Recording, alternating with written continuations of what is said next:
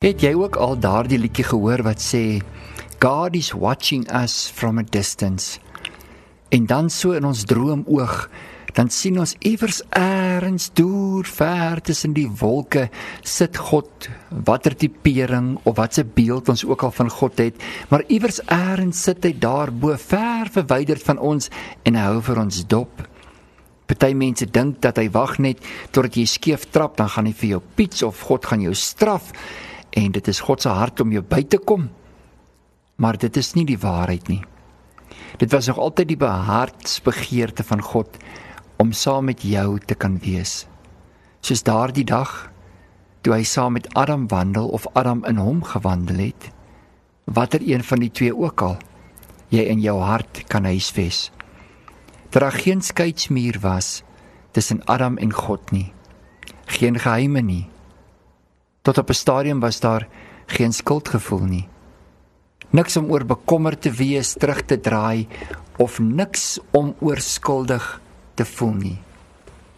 Daardie oomblik het verander tydens die sondeval.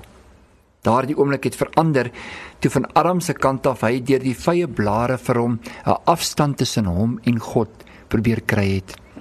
Toe hy so selfbewus geword het dat hy sy godsbewustheid verloor het. Toe hy na sy eie vlees en sy eie werke, sy eie tekortkominge gekyk het en besef het hy is eintlik beklaanswaardig. Hy gaan maar wegkruip. So asof God nie weet waar hy is, wie hy is of waar hy wegkruip nie.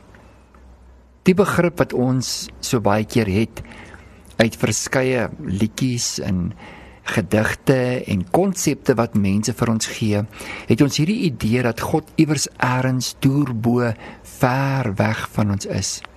Ons het die hemel 'n plek gemaak terwyl dit 'n dimensie is.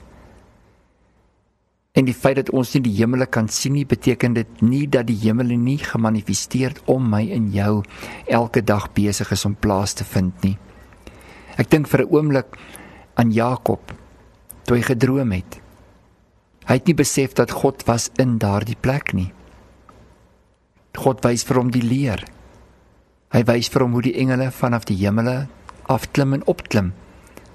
Hoe hulle beweeg tussen die twee dimensies van die aardse en die bonatuurlike. Dit wat ons aarde noem en dit wat ons hemel noem. God het sy seun gestuur na hierdie aarde toe. Hy het vlees geword en hy het onder ons kom woon. Hy het vlees geword soos ek en jy. Hy het deur die skoot van sy moeder deur daardie geboortekanaal sy plek na hierdie aarde toe gevind.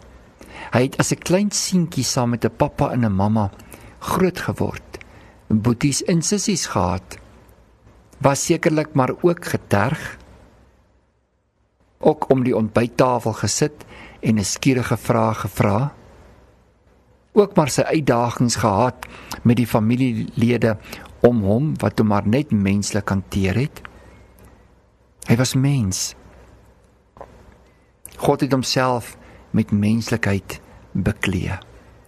Maar hierdie menslikheid waarin hy bekleë was, was verteenwoordig deur een man wat op een plek op een bepaalde tydsuur kon gewees het.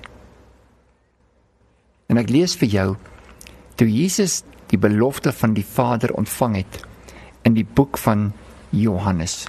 Kom ons lees dit saam Johannes 16 vers 7 tot 24. Jesus sê maar ek sê vir julle die waarheid. Dit is vir julle voordelig dat ek weggaan. Want as ek nie weggaan nie, sal die Trooster nie na julle kom nie. Maar as ek weggaan, sal ek hom na julle stuur. En as hy kom, sal hy die wêreld oortuig van sonde en van geregtigheid en van oordeel van sonde omdat hulle in my nie glo nie en van geregtigheid omdat ek na my Vader gaan en julle my nie meer sal sien nie. En van oordeel omdat die owerste van hierdie wêreld geoordeel is. Nog baie dinge het ek om vir julle te sê maar julle kan dit nie nou dra nie nie hoor nie.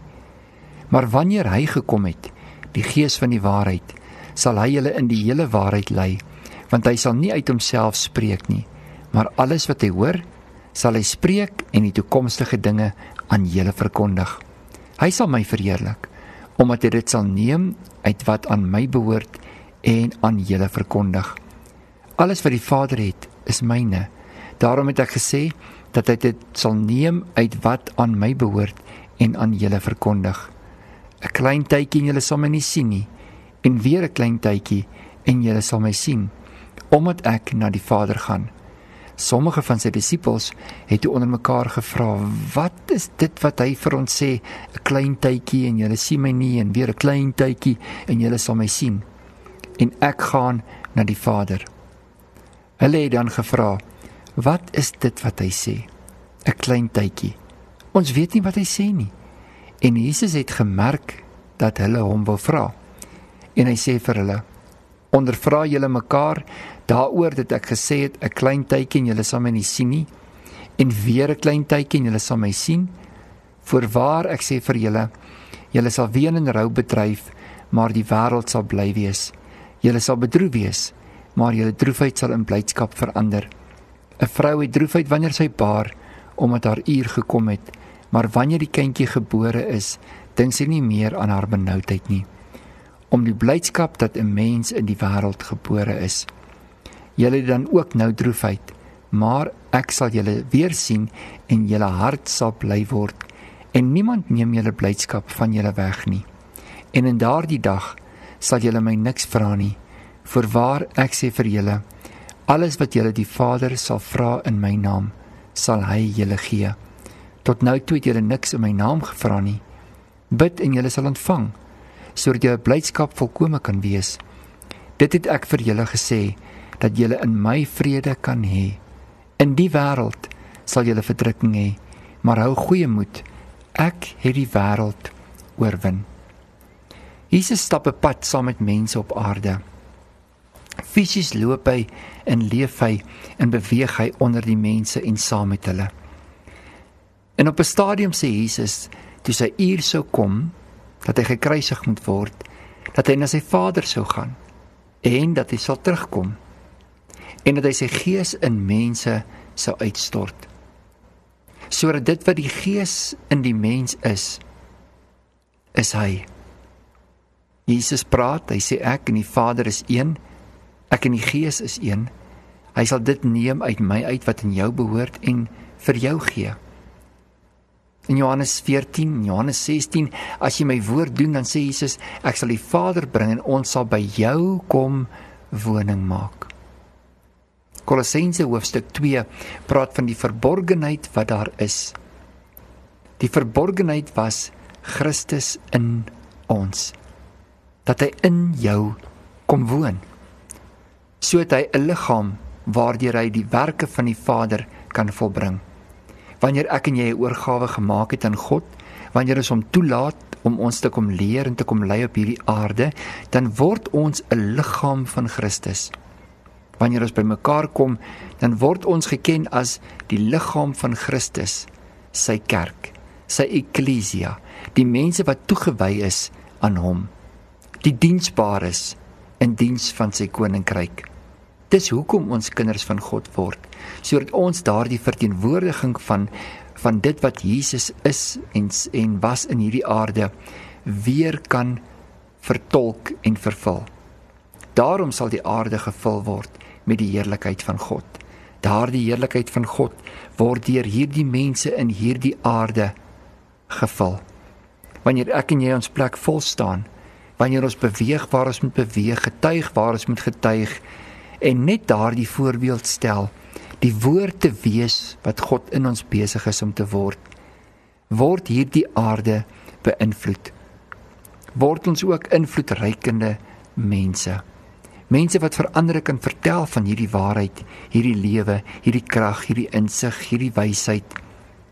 Dit wat God vir ons as 'n erfdeel kom gee het. Wanneer ons dit identifiseer, kan ons dit ook wees en leef vir ander mense. Nou is Jesus nie net in een plek nie.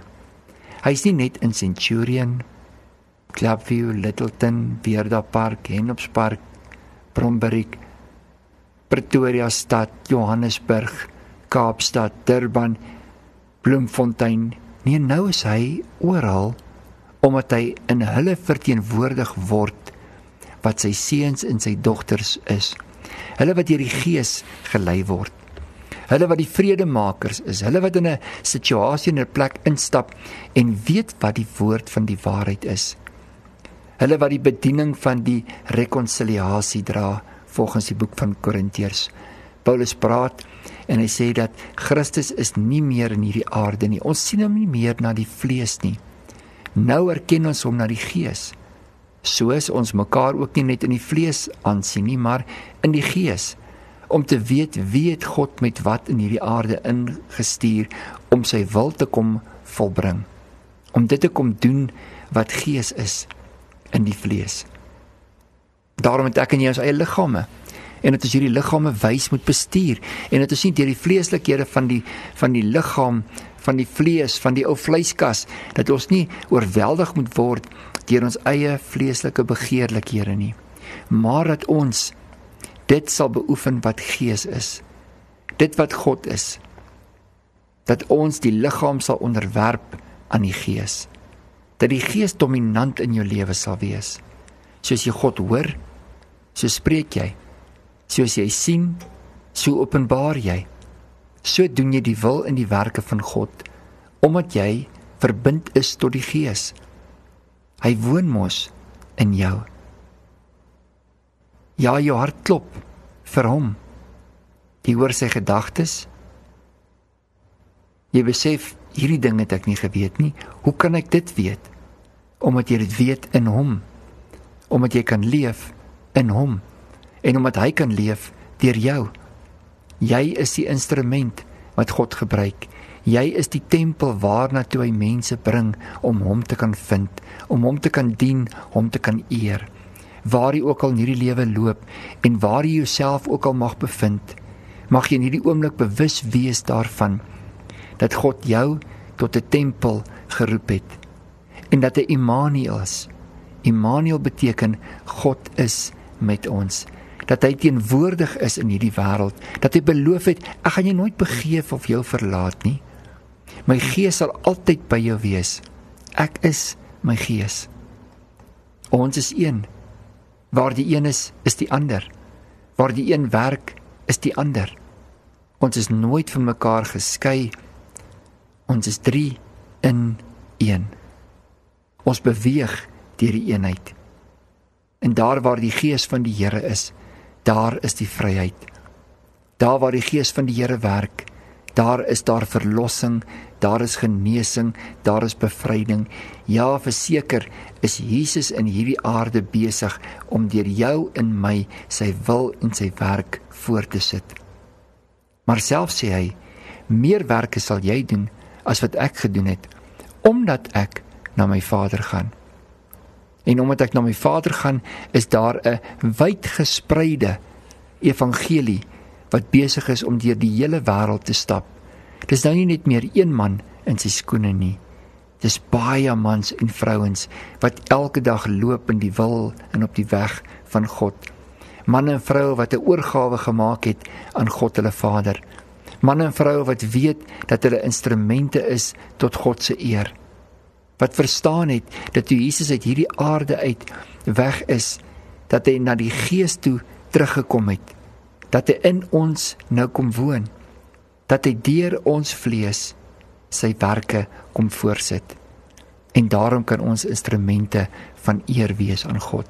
Daarom kan jy ook besef in hierdie dag, God is nie iewers eers ver daarbo in die wolke en wag net om te sien waar jy oortree en fout maak om jou uit te haal nie.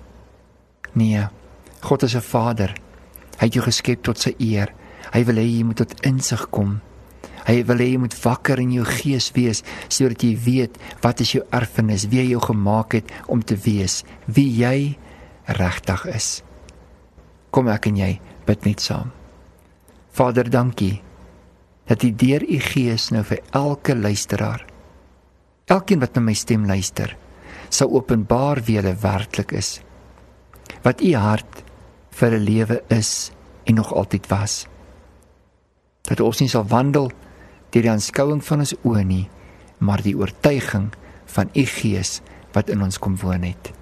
En daarvoor Vader, sê ons vir u baie dankie vir die groot voorreg dat u inwonend in ons ook is. U kuier nie net nie.